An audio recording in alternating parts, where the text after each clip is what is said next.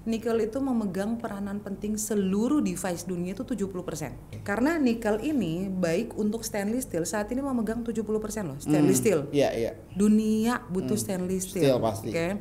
Nah, Indonesia diberi kekayaan sama Tuhan, itu kita memegang peranan nomor satu terbesar terbanyak dunia. Hmm. Tapi ini kalau nggak dikelola dengan baik jadi waste dong.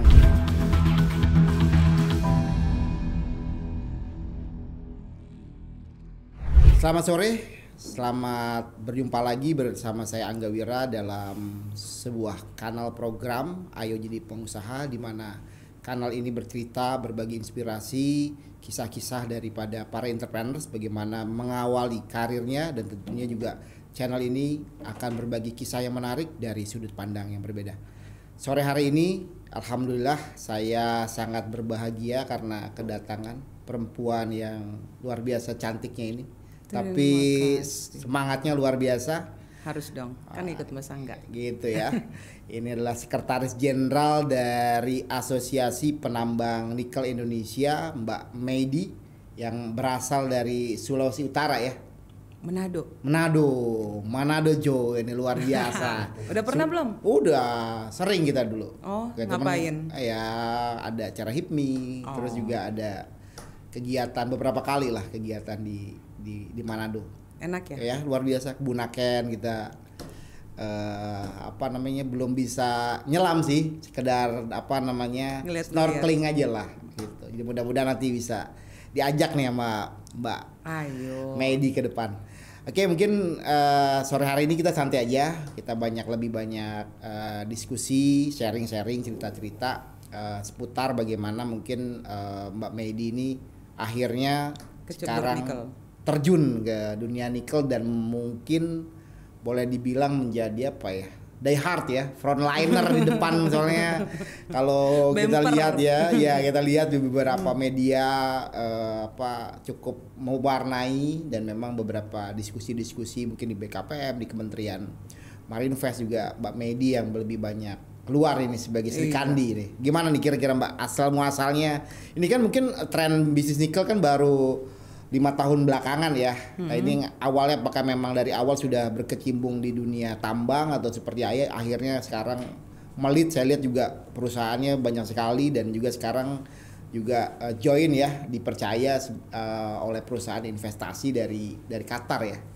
Kok tahu? Wah, ini dia ada beritanya. Di mudah gimana nih kira-kira Mbak bisa di-sharing-sharing? Ya, sebenarnya kalau terjun di dunia pertambangan sudah mau hampir 15 tahun. Oh, 15 tahun ya. Iya. 15 years old lama juga ya. Ya udah cukup bosen sebenarnya sih ya. Cuma waktu di awal-awal kita masuk itu lagi enak-enaknya. Hmm, hmm. Karena di tahun 2007, 2008 ke 2010 itu harga nikel lagi heboh banget. Hmm, Oh, jadi memang awalnya langsung terjun ke nikel.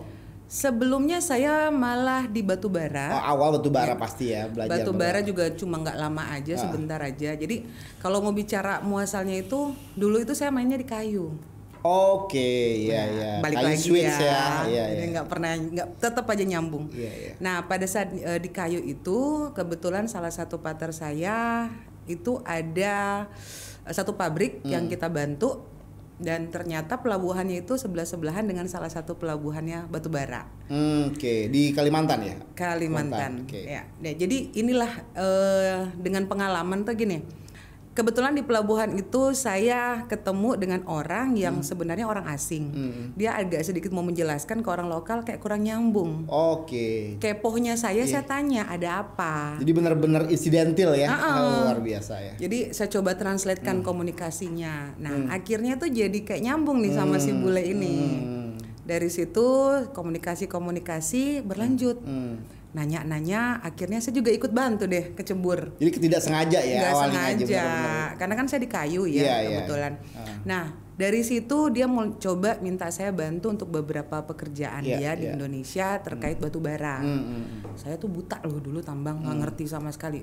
Dulu tuh kalau kita bilang tambang itu dunia mafia ya. Iya iya. Aduh udah kayak gimana banget. Cuma kan udahlah eh, kita harus coba dong ya. Betul betul. Nah dari situ berkembang berkembang berkembang. Satu saat dia minta dia tanya saya, saya perlu nikel. Hmm. Saya tanya nikel itu apa saya nggak tahu. Oke. Nikel itu di mana saya juga nggak tahu. Nggak ngerti ya. Nggak ngerti. Oke. Nikel itu ada di Kendari. Kendari itu saya pikir Kediri ya. Jauh banget. nggak ngerti nggak Iya, iya, nyambung iya, ya iya. karena eh, Kendari itu kita nggak pernah tahu kan ya Ya, memang yang kita tahu sukses. apa Buton Ya, ya, mungkin paspalnya kan. iya Ya, karena Kendari, pelajaran iya, ada iya, ya iya. kita sejarah dulu ada Kendari kerajaan bener-bener Buton bener-bener nggak. Kendari nggak ngerti kemudian ditanya "Eh, ini loh wilayah itu tanah merahnya itu ada di Pomala Kolaka Komala, Kolaka ya. saya juga bertanda tanya ini di mana ini Pomala akhirnya dengan nekat saya coba jalan lah ke sana Hmm.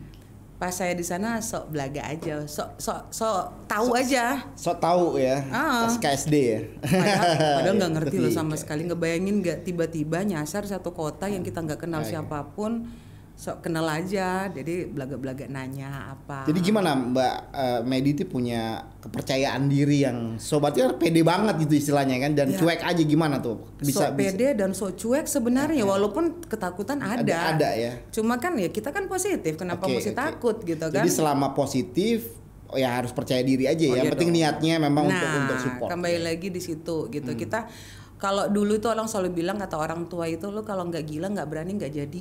Oke, ada Bener filosofi itu dari orang tua Bener ya. sih? Iya, iya betul. Iya kan? betul. Nah, Ya, yaudah kita nekat aja, jalan, kemudian di situ, nah situlah mulai Hmm. saya diarahkan ketemu si PT ini, gitu kan. Nah kita mulai dari traders dulu. Jadi berawal dari ketidaksengajaan, kenekatan, berangkat ke Nah, suatu self- daerah yang nggak ada tahu Self confidence tinggian.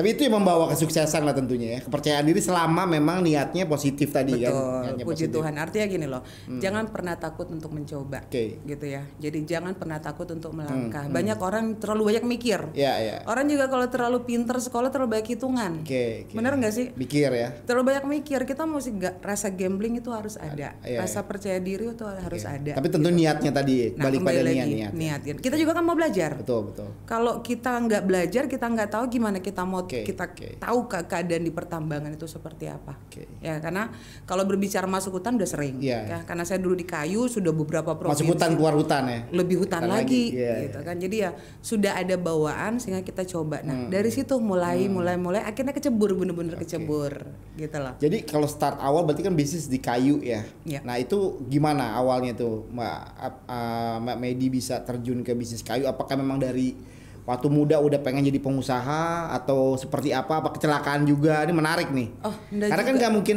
nggak banyak orang juga kan mau terjun kayak di kayu itu kan udah pasti di Hutan hutan-hutan ya. jauh nggak mungkin di Pulau Jawa kan mungkin banyak perempuan agak agak nggak memilih saya sektor itu. dulu gini loh waktu sekolah juga saya kayak gimana ya maunya itu pengen dapat duit sendiri Oke, Ya. udah ada itu ya, udah ada spirit itu ya. kayak dari SMA memang saya sudah otak dagangnya tuh jalan Oke, oke. nah Tapi jadi- keluarga gimana? Keluarga emang dari kalangan pengusaha Oh, atau apa? enggak, Enggak, enggak, ya? enggak sama sekali. Iya. Jadi eh, saya orang tua saya juga orang biasa Iya, gitu. iya. Kita juga tahu kemampuan orang tua kita. hmm, hmm. Kemudian saya juga eh, lanjut sekolah, kuliah juga enggak ya istilahnya dengan uang sendiri Iya, karena udah kerja ya, udah kenakan kerja.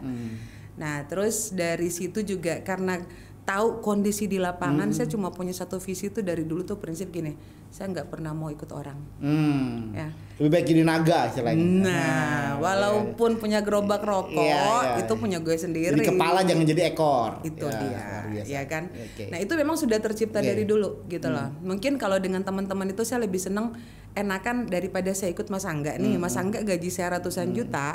Beda kalau saya sebagai teman. Kalau kolaborasi ada kesetaraan lah ya. Iya dong, Iya, iya, gitu iya. kan. Iya. Nah dari situ selalu, jadi selama saya Hmm. berkecimpung di dunia pertambangan pun eh, banyak pengusaha-pengusaha besar yang coba meng-hire. Iya, iya. Jadi profesional narik lah ya. Iya. Oke. Wah, ba- kadang-kadang tergiur sih. Tapi kembali ke prinsip ya. itu Prinsip lagi. Oke. Jadi kadang-kadang jawaban simpelnya, bos nggak bisa bangun siang. Ya, ya, ya, ya. Nggak bisa ngabsen, Nggak bisa gitu bangun kan. pagi, bangunnya siang terus. Hmm, Iya. bangunnya siang terus gitu. Terus saya orangnya maunya tuh ngatur diri sendiri. Iya, betul, betul. Gitu kan.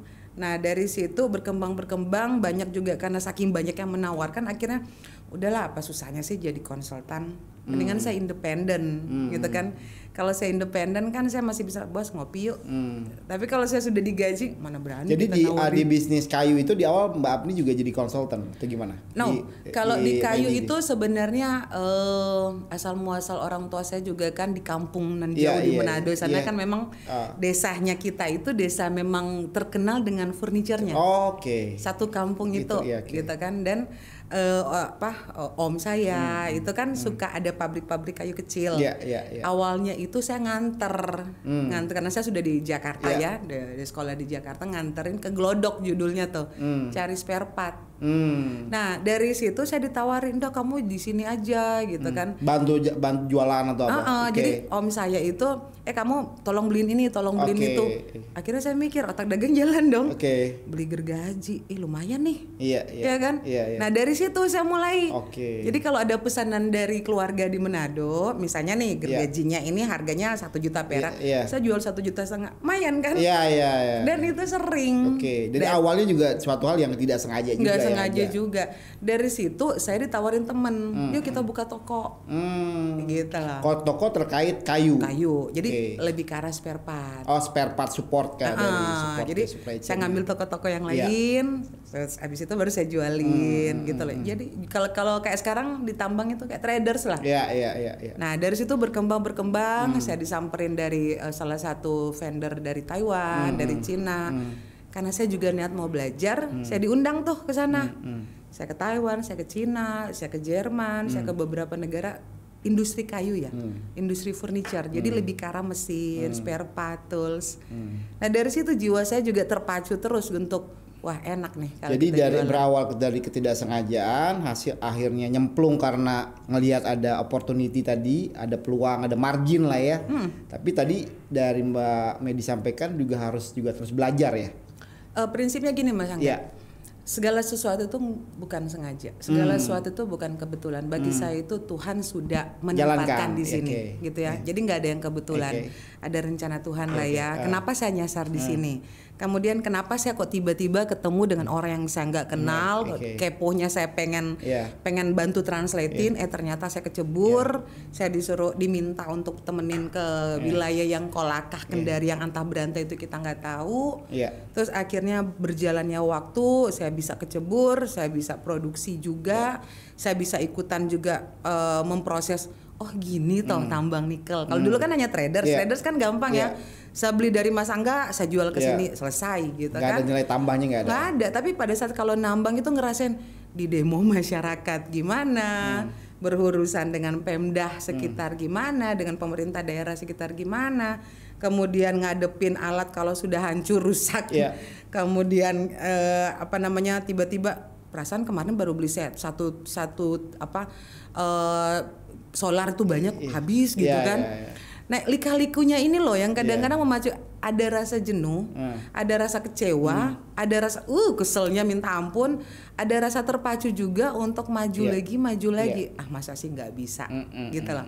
Banyak orang di luar sana yang nggak punya background apa-apa Mm. kok bisa berhasil, masa gue nggak bisa. Ya artinya tadi Gitu dari mulai dari awal tetap harus ada belajarnya tadi kan. Oh iya Yang dong, artinya dari iya tadi dong. buka toko apa namanya eh, spare part Iya, kayu, and then tadi keluar negeri ke Taiwan ke mana tuh untuk learning ya. Iya, belajar. Untuk meningkatkan kapasitas tentunya. Oh iya dong. Kita kita perlu pertama kita butuh ilmu, Iya. ya kan. Kedua kita butuh motivasi yang penting. Kalau ada ilmu nggak ada motivasi lemot juga kali ya.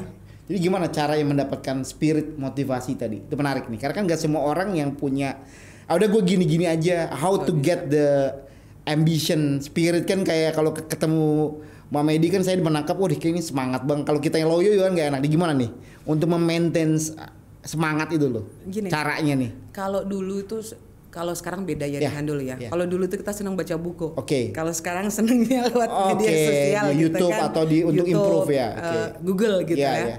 Kalau dulu itu saya selalu eh, apa namanya ngafal tuh paling seneng demen kayak eh, se- dikit-dikit saya beli buku, dikit-dikit Ya. saya beli buku. Jadi saya sama anak-anak saya juga setiap bulan wajib ke ke toko buku. Hmm. Ya walaupun kita pokoknya mau apa aja kita beli deh Iya iya iya. at least satu bulan satu buku kan lumayan ya. Iya, iya. Jadi itu kan pintu ya kita belajar kita Jendela belajar. dunia ya. Dan saya senang itu nonton film itu yang lebih ber- bercerita tentang biografi. Hmm. Mas Angga kok bisa jadi begini kenapa ya? Bukan film dokumenter mungkin ya, Ya. cerita-cerita Jadi ya. bukan perang-perangan, bukan Iya, iya. romantis-romantis. Kayak Iya. seneng gitu pengen melihat seseorang Oke. bisa dari ini menjadi ini, kenapa dia gitu loh. Oke. Ya kepo saya ada juga dong. Nah dari situ saya juga memotivasi dan saya senang dulu dulu dulu ya, Hmm. udah beberapa tahun yang lalu saya suka ikut tuh yang namanya motivator kelas-kelas Oke, motivasi. wah luar biasa ya. Nah itu ada pokoknya setahun itu tiga empat kali pasti ada. Oke, jadi secara secara sukarela ikut ikut ya daftar registration. Iya karena saya mau belajar Oke. gitu ya. Pelajaran itu kan nggak harus bangku sekolah, tapi dari pengalaman saya di lapangan kita tuh butuh satu ilmu di luar. Oh, bukan otodidak juga, Iya, iya. tapi bicara lingkungan. Ya bicara harus ada yang harus ada yang mentoring lah ya, Harus, mentoring siapa harus. ya dengan cara sini kan sekarang Mbak Apni yang yang mementorin para kaum milenial untuk untuk punya spirit tadi kan seperti itu. Simpel sih Mas Angga. Ya, ya. Prinsipnya begini, kalau misalnya kita mau maju gitu, kita ada di dunia ini untuk apa sih? Ya, ya. Gitu ya. Dalam ajaran agama saya itu saya selalu minta Tuhan pakai saya sebagai saluran Oke. berkatmu gitu loh. Oke, jadi bagaimana bisa punya manfaat untuk Ya, orang lain. untuk orang-orang, bukan hanya untuk diri sendiri. iya, Karena oke. pada saat saya ngasih nih ke Mas Iya, Angga, bukan Mas Angga yang ngasih ke saya. Iya. Ya kan, pasti Iya. dari orang lain. Feedbacknya dari ya, gitu dari loh. alam semesta ya. Lebih kayak gini. eh, ada satu buku yang benar-benar memacu saya. Hmm. Pasti coba buka itu yang namanya eh, tahun 2000 berapa saya lupa itu pernah heboh banget yang namanya buku The Secret. Oke, ya saya baca ya kan? itu tuh. Saya sampai ulang-ulang dong. Iya, iya, iya. Bahkan seri berikutnya, seri berikutnya Iya, saya baca iya, banget script. bagaimana tuh law attraction Kan, iya, gitu law ya. attraction, oke. Kemudian bagaimana kita membangun mindset positif Mindset, mindset gitu iya. kan sehingga aura kita pada kita bangun tidur kita ada semangat dulu, Dulu, gitu oke. kan. Positif mindset ya. Iya. Oke. Itu harus gitu. Kuncinya itu ya salah satu positif Satu mindset. harus positif mindset, kedua jangan pernah takut untuk mencoba. Ah, try ya. Harus. Terus coba. Kalau kalau nggak dicoba nggak akan pernah tahu. Nggak tahu. Kalau nggak pernah dicoba nggak tahu ya nggak akan pernah berhasil karena nggak pernah gagal. Iya. Dan ada lagi orang yang teman-teman itu gini masa nggak? Ya. Dia mau coba, terus abis itu orang kalau sukses itu kan pasti bukan saya bilang saya sudah sukses ya. Orang kalau mau naik itu kan angin kan kencang Pasti dong. pasti pasti. Dibenci, Iya, pasti. diomongin, Pasti diomongin lah. di- Iya. oh, ada macam-macam. Iya. iya. Prinsipnya adalah semakin banyak musuh, semakin jadi. Oh, semakin banyak oke. teman. Wah menarik habis- nih quote-nya nih. Gitu. Semakin banyak musuh ini berarti tantangan atau potensi Nah, itu. untuk berhasil juga. Bukan musuh gimana Ya, ya? tapi ya atau, atau orang yang kritis lah atau Nah. atau dengan dengan kita. Oke. Pasti dong ada orang yang Ya, jealous. Pasti pasti. Gitu oh kan. gimana nih apa nih? Jangan-jangan jealous? punya tuyul. Jangan-jangan ngepet ini kan mana tuh? Ada aja kan, ada. Selalu. gitu ya. Gitu. Oke, Mbak Medi menarik ya dengan kisah mungkin 15 tahun ya berarti ya udah di dunia bisnis ini ya. Jenuh malah. Jenuh ya. Tapi sekarang harus di dunia gini, dunia motivator harus. Gak gantian berbagi kan. Oh, gitu. Iya. Oke, kalau melihat bisnis nikel ini kan ya saya awam juga sih, tapi kan karena banyak diskusi dengan teman-teman kan ini mungkin menjadi salah satu potensi ya, eh, Indonesia untuk bisa maju ke depan kan salah satunya di di nikel ini kan. Ya. Nah, nah, mungkin uh, Mbak Medi bisa ngasih gambaran nih mungkin untuk uh, para milenials, para sobat planner yang uh, lihat YouTube ini.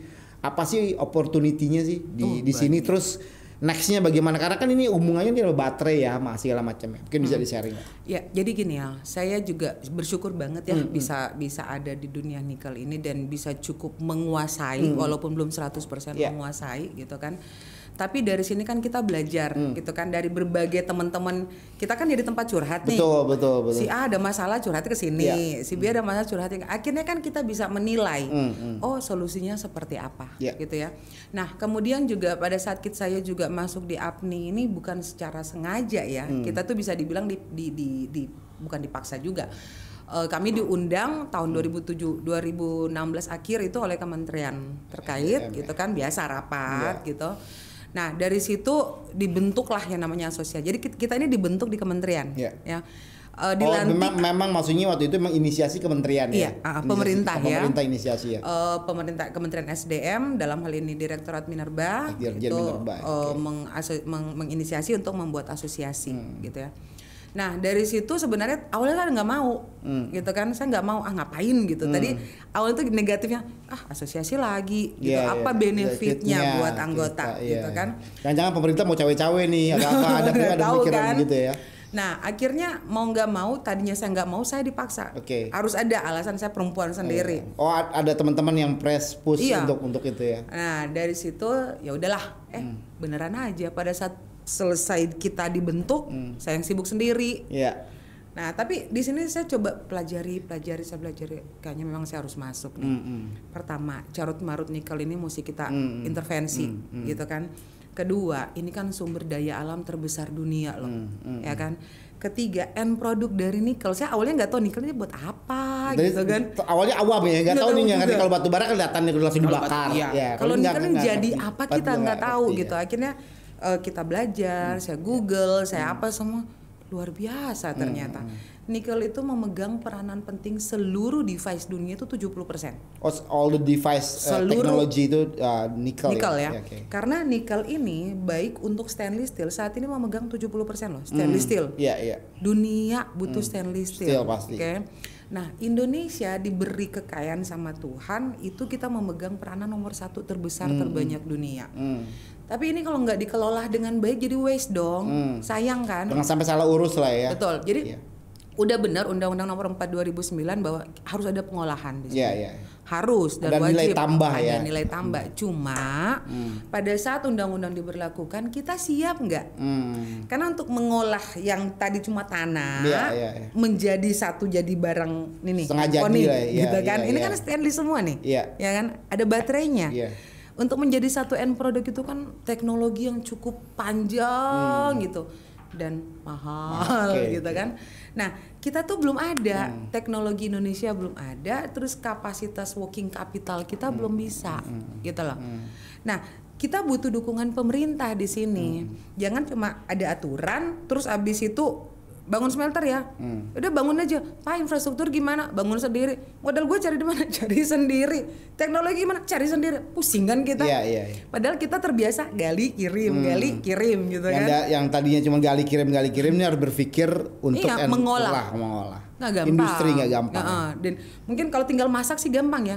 Tapi mau beli kompornya gimana? Ya jadi kan artinya dari undang-undang tersebut kan sebenarnya ada ada waktu transisi kan. Ya. Yang darinya tadinya raw material harus ini terus gimana? Fakta di lapangannya seperti ya apa? itu ini? tadi saya bilang dari 2004 Ya. dikasih waktu eh sorry 2009 dikasih waktu lima tahun. Lima tahun 2000. 2012 ya kan eh, sorry 2014. 2014 sudah bener-bener stop tuh. Hmm, ya tadinya. kan? Tadinya ya. Iya. Nah, di 2014 pemerintah melihat kok nggak ada yang bangun-bangun gitu kan. Ada masalah apa nih? Ya kan? Nah, Nah, apa? terus eh, ada coba beberapa perusahaan yang lagi coba bangun tapi nggak worth it Hmm, gitu ya. Nggak bisa jalan juga. Akhirnya pemerintah kasih namanya relaksasi lagi. Oh relaksasi diperbolehkan lagi tadinya di N 2014 dengan ada syarat, relaksasi. Oh ya kan? dengan syarat. Di Oke. 2014 nggak ada nggak ada pergerakan nih smelternya. Udah keenakan kali orang impor ya ekspor ekspor Tapi kita. saat itu saya juga merasakan bagaimana mampus loh. Oke. Ya, jadi Maksudnya gimana apanya ini? artinya gini, tiba-tiba ekspor diberhentikan. Hmm. Karena kan isunya adalah kalau eh, yang boleh ekspor adalah perusahaan yang mau bangun smelter. Oh yang punya komitmen untuk bangun smelter. Betul. Oke. Terus ada beberapa perusahaan yang kita sudah beresin mau bangun gitu Hmm. kan. Beneran juga tetap juga nggak boleh ekspor. Hmm. Bisa bayangin gak investasi kita 2014 Apa tuh itu? masalahnya tuh? Yang udah punya komitmen kok tiba-tiba di- dilarang terus nggak punya privilege lagi. Ya, artinya bener-bener pemerintah minta stop raw material Hmm. gitu ya. Jangan jual barang mentah. Harus bagus bener saya juga dukung. Spiritnya gitu. oke lah ya. banget gitu kan. Cuma kan kesiapan kitanya yang belum siap Hmm. ya. Jadi di 2014 itu saya jujur mengalami ada tiga orang teman saya meninggal, gitu kan, penambang. Iya. Kemudian Kecelakaan itu di gimana di eh, saking stres jantung dan Oh, lain-lain, karena gitu kan. tekanan itu tekanan gara-gara switching itu ya, Iya, regulasi itu ya, gini, stop harus stop ya. Saya yang tadi nggak usah jauh-jauh lah. Saya misalnya saya sudah saya leasing alat dong. Iya oke, ya, kan? karena pembiayanya dari dari, Dari alat berat. ekspor ya kan, ekspor Oh. oke. Terus modal gua habis, nggak bisa lanjutin ya alat beratnya ditarik balik, Hmm, gitu kan? Nyesek nggak sih? Iya iya iya. Terus habis itu ada beberapa karyawan mau nggak mau Hmm. dirumahkan, kasihan gitu kan. Tapi tambang ini produksi nggak produksi jalan loh, Iya, costnya, iya, ya kan? kewajiban Argonya jalan jalan mulu gitu. Dan eh, saya sendiri ngalamin tiga alat berat saya ya Hmm. ya kem- kembalikan ke tuannya mau nggak mau ya. Walaupun kita udah bayar beberapa kali.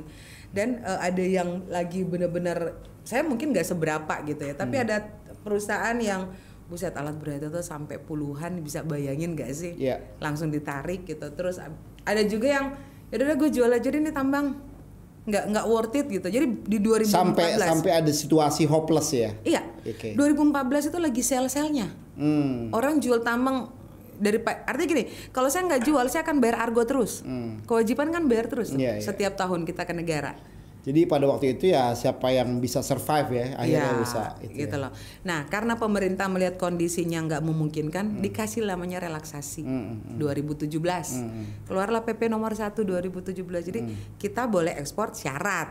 Syarat, ada komitmen. ah, dulu kan hanya komitmen nih. Iya. Kalau sekarang ada fisiknya. Oke. Lebih detail lagi untuk bisa dapat kuota ekspor detail banget. Mana progresnya pembangunan smelter, mana izin. Oh dibagi per- da- perusahaan ini dapat kuota sekian. No, no, no, no, no. Gimana caranya? Enggak. Untuk mendapatkan kuota ekspor itu adalah satu. Pertama kita lihat tambangnya dulu. Oke. Dia eh, cadangan cukup nggak? Hmm. Ya dong. Kedua, visibility study dan perizinan ke- keseriusan membangun smelter mana? Iya. Membangun pabrik itu mana gitu ya. Kan ngurus izin kan nggak gampang. Iya, iya, iya. Ya, belum amdalnya, belum ada verifikasi dari surveyornya, belum harus ada laporan geologisnya. Terus Mas Angga mau biayain saya kan nggak mungkin. Saya sudah harus jadi eh, izinnya udah beres, kemudian lahan saya sudah bebaskan, lahan saya juga sudah diboring, kemudian rumahnya ini sudah jadi, tinggal Iya. bawa mesin dan teknologi, Iya, iya, gitu lah. Cuma kan diberhentikan. 2019 berhenti ada Berhenti. the new regulation gimana, Mbak?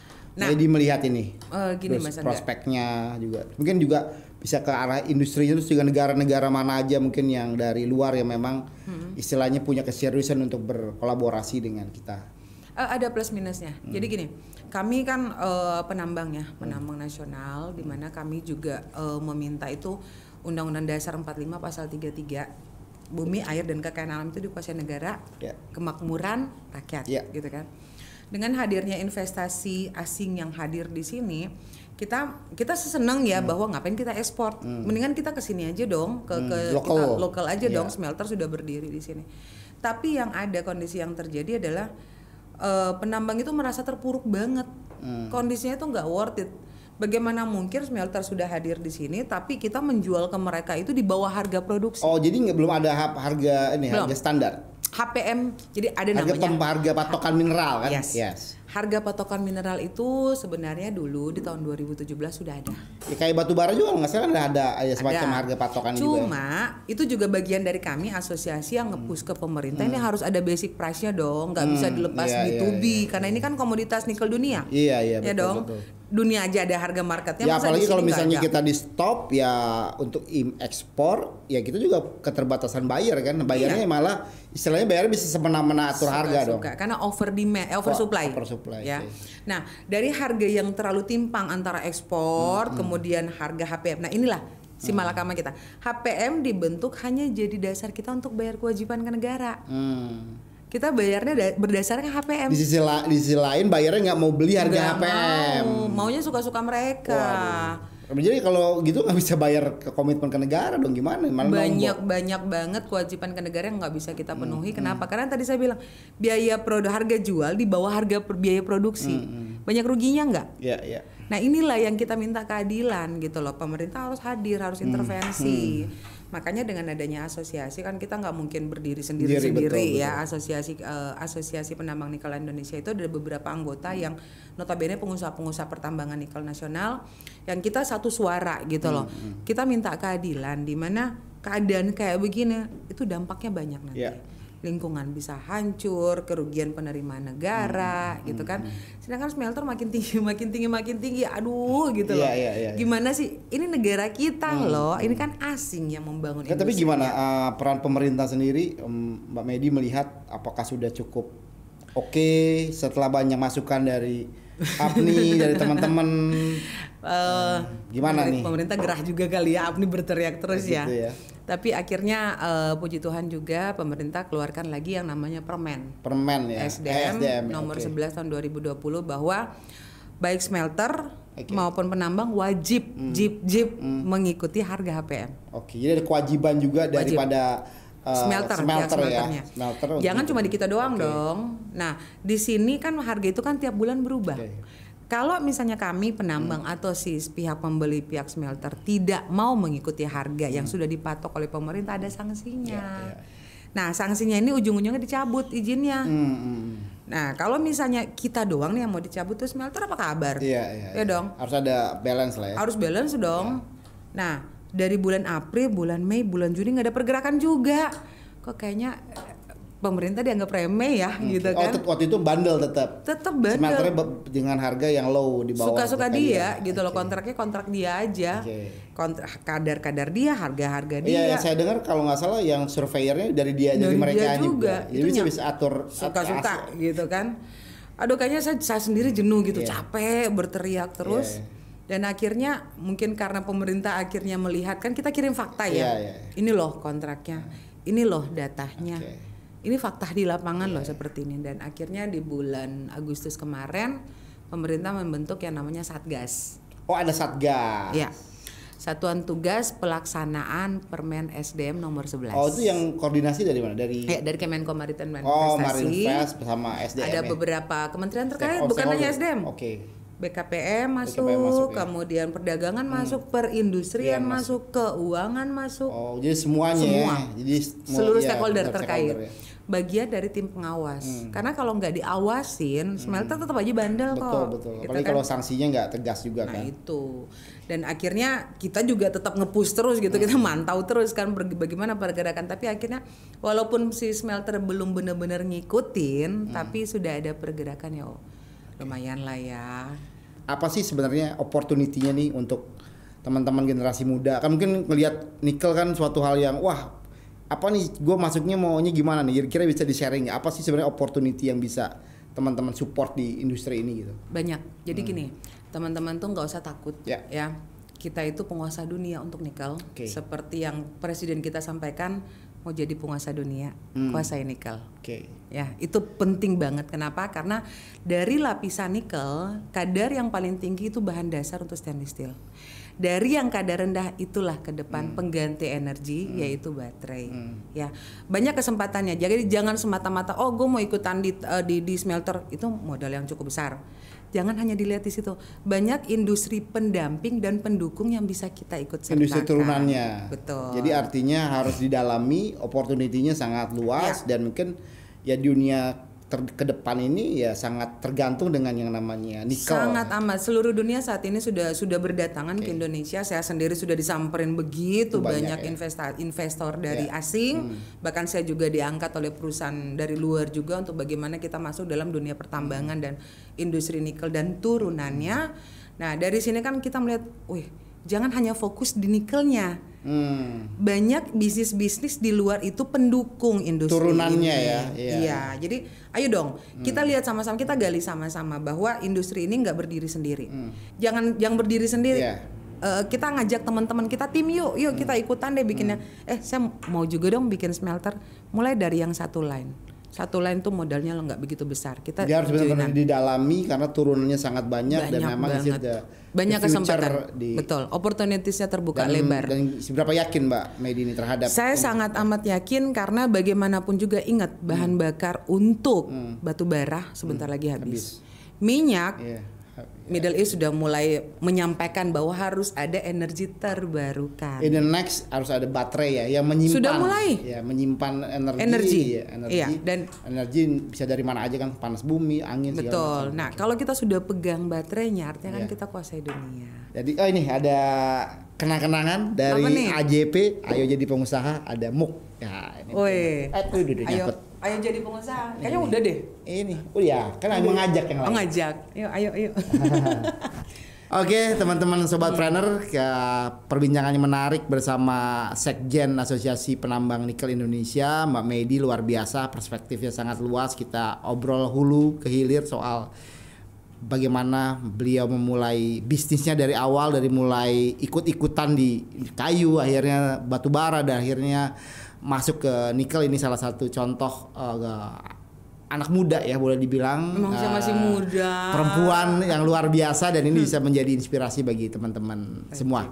Sampai jumpa lagi di uh, podcast kita selanjutnya.